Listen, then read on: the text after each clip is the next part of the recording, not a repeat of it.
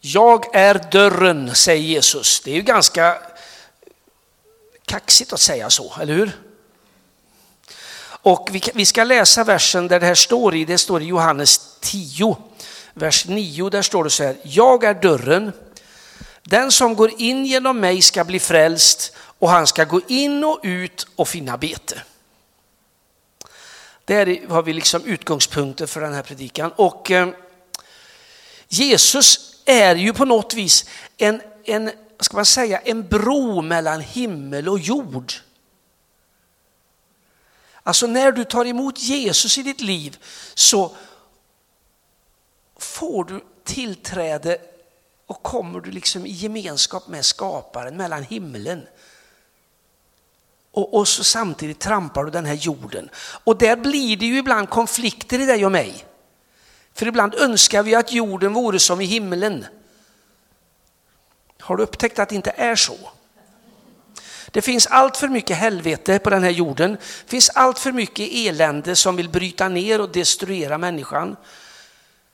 Men det betyder inte att Jesus är mindre eller mindre fullkomlig i det han gör och gjort. För han är fortfarande, du får på något vis ha ditt hjärta i himlen. Men du får och ha dina fötter på jorden. Alltså ibland skulle vi, vill vi också försöka att ge ett sken av att vi har våra fötter i himlen. Och det blir, det blir inte verklighet. För Jesus han ser till verkligheten. Han, han gick ju här på jorden när han, när han, för, för ett par tusen år när han gick på jorden. Då, vet du. Och då var han ju människa. Precis som dig och mig. Och han, han mötte omgivningen som människa. Fast han var Gud.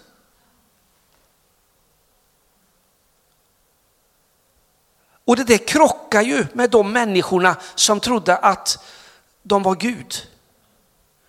För han gick och satte sig med den som inte var rätt.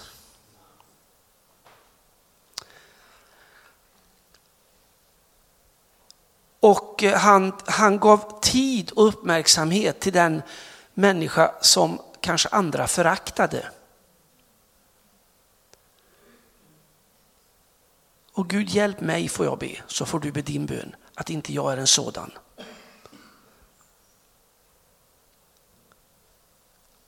Att jag inte dömer människor. Inte heller jag dömer dig, var det någon som sa. Vem var det? Det var ju Jesus. Har du dömt någon någon gång med din attityd och med dina ord? Jag har gjort det. Gud förlåt mig. Kanske någon mer på det här, i det här rummet har gjort det. Ibland kan domen vara väldigt religiöst fin. Den, kan få, den, den domen är mycket obehagligare. Den här domen utav att man har, lägger någon religiös, andlig, klibbig filt över domen. Om någon skulle kunna ha gjort det var det ju Jesus, men han gjorde inte det. Vad ger då dig och mig rätten att göra det? Jag är dörren. Och eh, den här dörren kan man se på två, på två sätt. Dels är det så här att det är en dörr till fåren alltså. Jesus han har fritt, i vers 7 står det innan det, kan man säga att det står så här, jag är dörren till fåren. Alltså Jesus har fritt tillträde till fåren och sen säger han också det som vi läste att jag är dörren. Att Jesus är dörren för fåren. Och eh, det finns bara en dörr till fårfållan och eh, både herdar och får måste gå genom den dörren.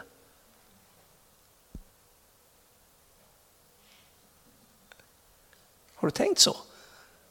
Både herdarna och fåren måste gå genom den dörren. Och eh, då, då, var jag tvungen att titta lite grann. Jag tänk, försökte jag eh, att ta reda på lite grann. Hur såg de här fårfållorna ut? Det fanns ju nämligen ingen dörr på de här fårfållorna där man tog in fåren över natten. Det var ingen dörr. Det var bara en öppning. Och så var det ett, ett, liksom ett staket av ris väldigt ofta och ibland lite sten och grejer runt. Så att inte det kunde komma in vilda djur och att inte fåren kunde eh, springa ut. Men det var ingen dörr. Varför säger då Jesus, jag är dörren? Jo, för att herden, vet du, det, det ska vara så här för det. Jag var ju inte med på den tiden, även om jag är lite äldre.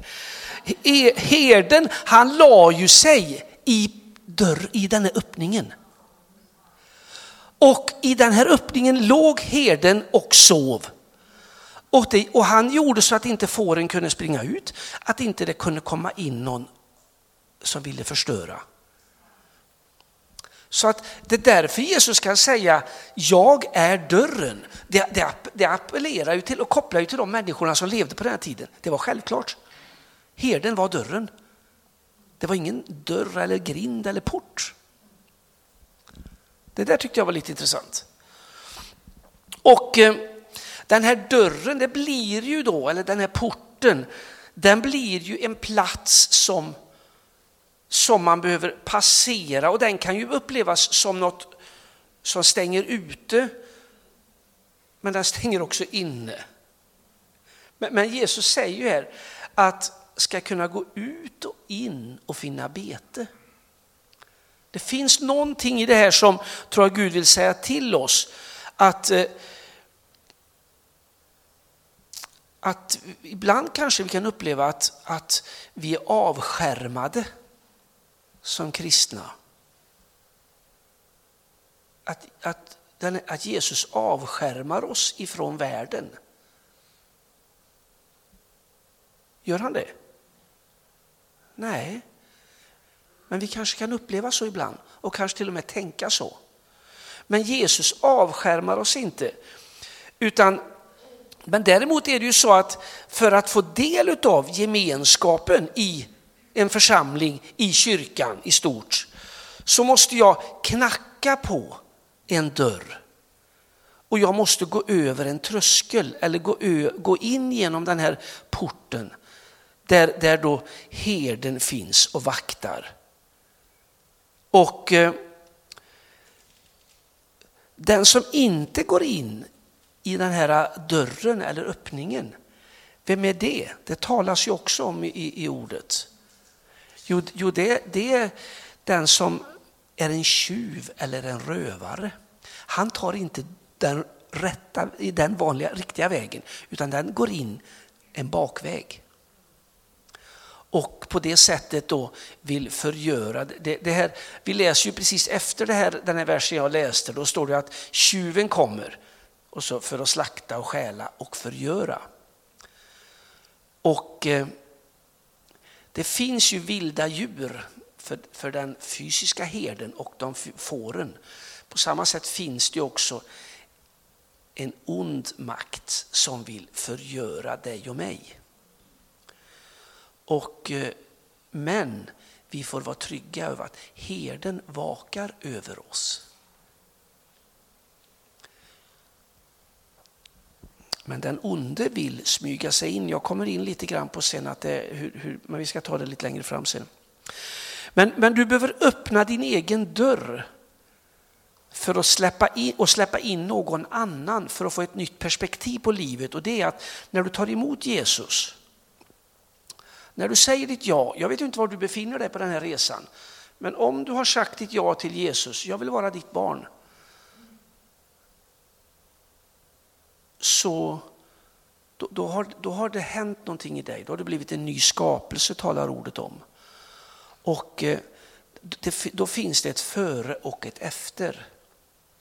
Och då har du, då har du så att säga gått in i fårfållan genom herden som ligger där och vaktar.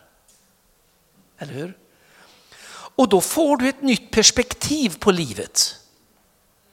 Du tänker inte riktigt på samma sätt. Du ser inte saker på samma sätt.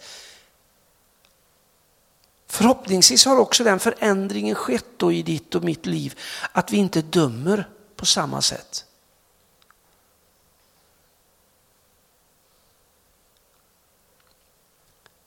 Utan istället så ser du varje människa.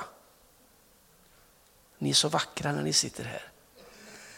Då ser du varje människa som Guds avbild.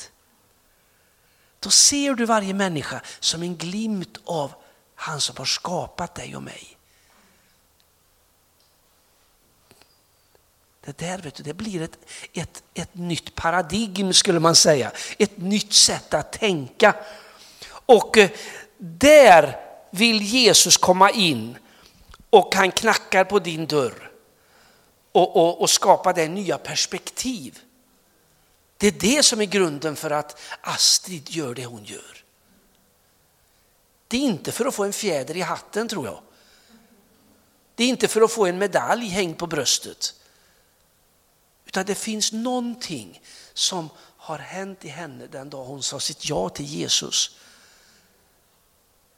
Och, sen, och du, du har din resa, alla ska inte vara som Astrid. Det skulle bli väldigt tråkigt och besvärligt och eländigt. Men att, vad är din, vad är din väg? Vad är din väg? Vad har Gud lagt ner i ditt hjärta? När du gick in genom dörren. Vad har du sagt ditt ja till? Vad hände i din tanke?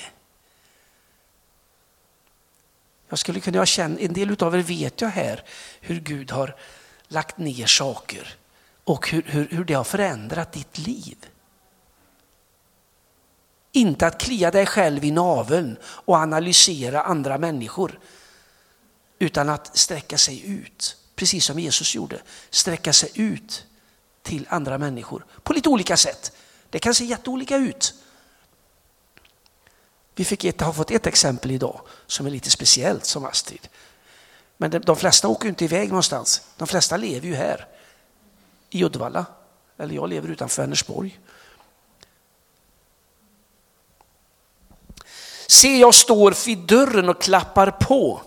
Om någon hör min röst och öppnar dörren så ska jag gå in och hålla måltid med honom och han med mig. Det är viktigt att ha den, den, det hållet på det hela. Jesus sparkar inte in någon dörr. Han brukar, gör aldrig våld på dig. Men han knackar på ditt hjärtas dörr. Men det är du som får öppna. Det är det enda du behöver göra. Det kan vara nog så svårt. Det krävs ganska mycket mod kanske. För vad händer då? Du kanske till och med tänker att Gud gör våld på dig. Men så är inte Gud. Tänker du så, så kan jag bara glatt tala om för dig att Gud kommer aldrig att göra våld på dig. Vi människor vi kan göra våld på varandra. Men Gud gör aldrig våld på en människa. Aldrig. Däremot knackar han på ditt hjärtas dörr. Och det gör han en, en tillfälle när du, den dagen du säger ja till Jesus. Men det, det pågår knackas, det kan knackas flera gånger. Det var säkert någon liten knack när Astrid sa ja till Libanon. Ska jag öppna dörren för den här tanken eller erbjudandet? Eller vad det är? Det finns någonting så. Nu använder jag dig som exempel. Så jag, vet jag kan ju inte lägga orden i mun på dig, det gör jag lite grann nu, men det, hoppas det är okej. Okay. Men, men Gud knackar på dig. Kanske att du ska ta dig an en människa hjälpa en människa. Kanske knackar på ditt hjärta att du ska, ja vad vet jag? Vad vet jag?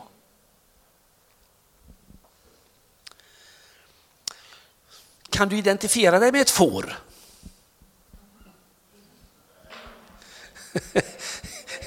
Bä kan vi säga. Ja. Vi, vi, man, man, alltså jag är ingen expert på får, men det, det behöver jag kanske inte vara för det här. Men, men att eh, får, de, de, ibland så är de ju lite, ses de ju lite dumma och det tror inte jag stämmer. för, för att alltså, eh, även om jag ibland kan känna mig lite dum, det kan jag ju känna.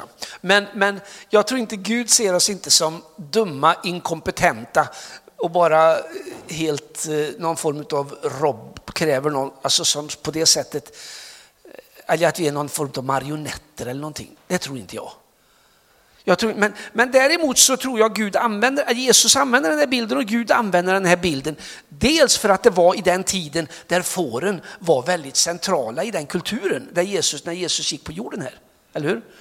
Och då, och då är det klart att Jesus talade ju väldigt mycket i bilder och en bild måste ju koppla till den verklighet där man är. Och därför kan ju vi kanske uppleva det som lite grann att det är i månen. För de flesta här har väl aldrig varit ute med någon fårajord. Men det, det tror jag inte, utan att veta för mycket. Men däremot så kan man se att fårjorden, är, det, det vet jag ju med djur generellt, att de, har, de är olika i sin person. Eller hur? Det finns vissa som är bångstyriga. Är du en bångstyrig? Vissa kan vara väldigt, ha väldigt kort temperament eller bli väldigt så här, fort gå igång. Kan gå fort över också, men gå igång fort på allting. Och vissa kan vara väldigt sävliga. Det händer inte någonting här, jag blir tokig. Och vissa kan känna sig som ett eh, svart får. Misslyckad totalt. Jag är totalt misslyckad, jag är uträknad. Men alla de här fåren är välkomna i kyrkan. Alla de här fåren är välkomna i kyrkan. Det är det som jag ser som en rikedom i, i kyrkan. Nu, nu definierar jag inte kyrkan bara fristaden. Jag tänker, det kan vi tänka, fristaden är en församling i den större kyrkan här i Uddevalla som är en del av den större kyrkan här i landet. Som är en del av den stora världsvida kyrkan. Men men jag tror att kyrk, en av rikedomarna i kyrkan är att vi är olika. Men det kan ju också bli jobbigt. Men det skulle vara hemskt tråkigt och ibland blir det ju så där tyvärr i våra lokala församlingar att blir vi väldigt likriktade. Vi tycker ganska lika, vi ser nästan ut lika till och med och vi beter oss väldigt lika. Och det finns inte mycket utrymme att se ut annorlunda eller bete sig annorlunda, för då är vi fel. Gud hjälp oss att gå ur detta hjulspår. Det kan vara hur vi uttrycker oss när vi ber. Det kan vara så väldigt andligt och fint. Så det är liksom inte kanske att vi går och gör väldigt hemska saker. Men att man måste be på ett visst sätt för att Gud ska höra bönen. Och hör jag någon som ber på lite fel sätt så ber jag också för att det ska bli på rätt sätt för att Gud verkligen ska ha hört. Har du hört vad barnsligt det låter? Men vad mänskligt det är. Tror du Gud hör alla böner? Ja. Tror du Gud hör alla suckar? Mm? Om du då är en sån som retar dig på hur andra ber och uttrycker sig inför Herren, lägg ner det. Det bara ett litet råd. Det blir mycket lugnare i din egen själ också. En av kyrkans styrkor som jag skrev är att det finns olika sorters människor. Men vi samlas omkring vår herde. Jesus. Och han är flexiblare än någon av oss. Men vi får aldrig tappa det. Och, och, och, till och med om vi är det svarta fåret, känner oss så. När vi ser oss i spegeln så ser vi en misslyckad människa. Kanske man kan känna sig ibland. Det blev inte som jag hade hoppats. Det blev inte som jag tänkte. Men Gud älskar också det. Då kan vi definiera oss som ett svart får. Det säger man ju ibland. Du är familjens svarta får. Det är ju egentligen ett hemskt uttryck. Men, men det kan vara så att vi som människor ibland känner oss som en sådan. Men då, då ska, får vi inte glömma, Jesus älskar alla får lika mycket. Så även om det svarta fåret är det hundrade fåret som försvinner så lämnar han de 99 för att söka upp och han ser inte det som ett svart får till att börja med, men, men om man, någon känner sig så. Och då tänker jag på det ordet som, står, som Paulus skriver i Romarbrevet, att det finns ingen fördömelse för den som är i Jesus Kristus.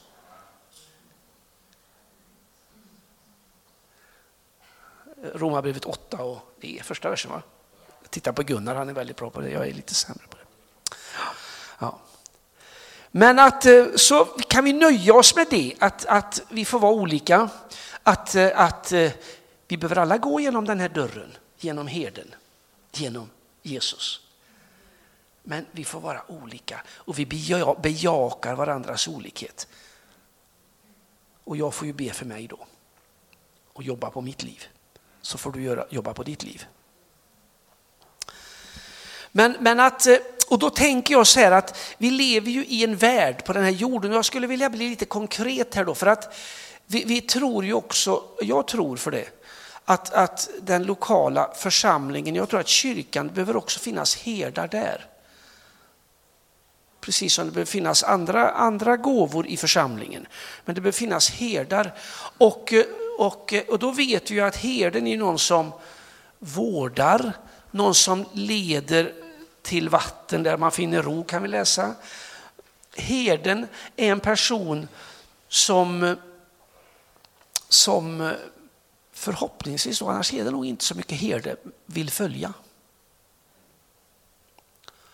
Inte en perfekt människa, men någon som man vill följa och ändå har ett förtroende för. Och, eh, men också herden behöver gå genom dörren. Det alltså ibland så står det, och det, det, får vi aldrig tappa. Och eh, dörren, jag skrev så här att dörren hjälper oss att skilja mellan goda herdar och falska herdar. För jag tror att en, en, om vi tror att det finns falska herdar, jag ska definiera det lite sen vad jag, hur jag tänker då. Och eh, att en falsk herde den går inte genom dörren, utan den, den hoppar över staketet.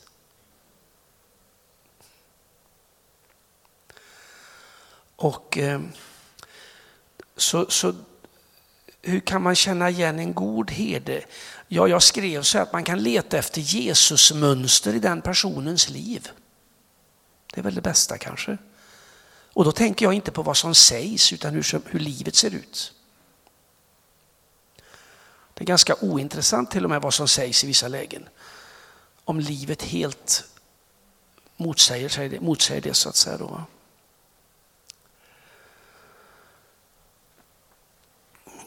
Är, är herden någon som låter mig vara den som Gud har skapat mig till? Uppmuntrar den personen mig att se mitt eget liv byggas upp? Eller motsatsen då, är, är det någon som vill utnyttja mig för egen vinning? som gör mig splittrad och får mig att göra saker som jag inte vill. Så, så utnyttjar mig helt enkelt. Det tror jag inte är den gode herden. Jag tror inte Jesus utnyttjar någon människa. Vi människor kan göra det. Men den gode herden tror jag aldrig utnyttjar en annan människa. Jag skrev en mening här som jag kommer inte ihåg om jag läste den före. Det var på midsommardagen, då var jag uppe i Umeå. Och eh, och då var det en, en präst där uppe som sa så här att eh, Guds ande leder aldrig till tvångsmässighet. Det där satte sig i mig. Guds ande, när Guds ande leder, när Guds ande talar, så leder det aldrig till tvångsmässighet. Man skulle kunna säga så här att Guds ande, eller Gud, gör aldrig våld på en människa. Så ett herde av Guds hjärta, som det, som kan läsa om i Saltaren, där, där den, den, den utnyttjar aldrig en annan människa för egen vinning. Och eh, den ger utrymme för mig att växa till den som Gud har skapat mig till. Det blir lite allvarligt tänker jag. Falska herdar säger kom till mig istället för att säga kom till Jesus. En falsk herde, detta var Gunnar som påminner mig om detta, är Dave Richards som har sagt för ett antal år sedan här. En falsk herde vill bygga något eget, sätta sig själv i centrum istället för Jesus i centrum. En falsk herde talar väldigt mycket om vad den gör. Jag har gjort och jag gör istället för Jesus och kanske lyfter upp vad, vad, vad andra människor gör.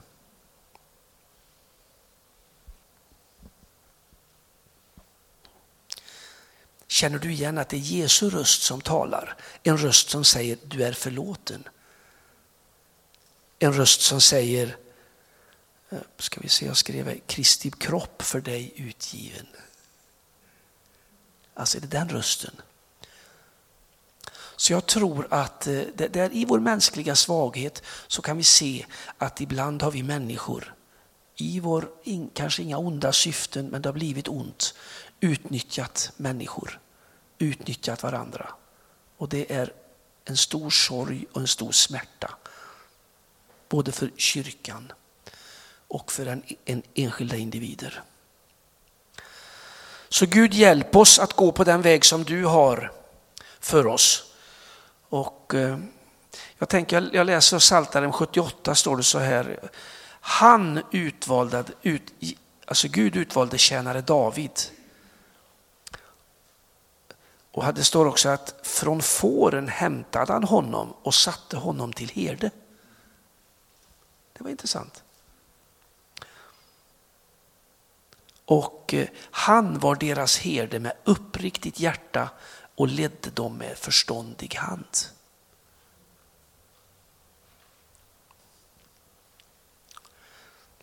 Att tillhöra Jesus det innebär inte att man blir begränsad eller blir förminskad, utan det blir, det blir att man istället får växa till det som Gud har skapat en till. För Gud begränsar dig aldrig på det sättet. Men glöm inte att det finns, det finns bara en väg och det är genom grinden. Som inte är en grind utan som är Jesus. Och så får du ansluta dig till syskonen. Som en del är både si och så. Men alla är älskade av Herren. Och Gud ger mig nåd att kunna älska alla mina syskon. Svårast är ju den som inte är som jag önskar. Ja. Så att jag är dörren, den som går in genom mig ska bli frälst och han ska gå in och gå ut och finna bete. Tack Jesus. Tack Jesus att vi får vara dina barn Herre, att vi får vara dina får. Tack att vi får bejaka det du har, lägger ner på våra hjärtan Herre, det du knackar på vårt hjärtas dörr Herre. Tackar dig för var och en i det här rummet Herre. Ja, du ser min ärliga önskan att vi var och en skulle få leva de liv som du har lagt ner i oss. Det som är egentligen naturligt för oss. Samtidigt som det är så gudagivet. Tackar dig Herre för att du ser om någon av oss som har farit illa utav att vi har behandlat varandra illa. Jag ber om nåden Herre att vi ska kunna förlåta och börja en process kanske där du får läka det som har sargat Herre. Tackar dig att vi tillsammans Herre med våra olika gåvor och våra personligheter får bära ditt evangelium ut i en värld Herre som längtar efter dig. Jag ber om din välsignelse var och en av oss Herre. Ber att din heliga Ande får tala till våra hjärtan. Jag ber också Herre att om det är någon av oss som känner oss rädda för att du ska tala, för att vi ska vara rädda för att du ska våldföra dig på oss, så, vill jag bara tacka dig för att du aldrig gör det. Tacka dig för att du, du talar Herre på ett sätt som på något sätt kopplar till de vi är.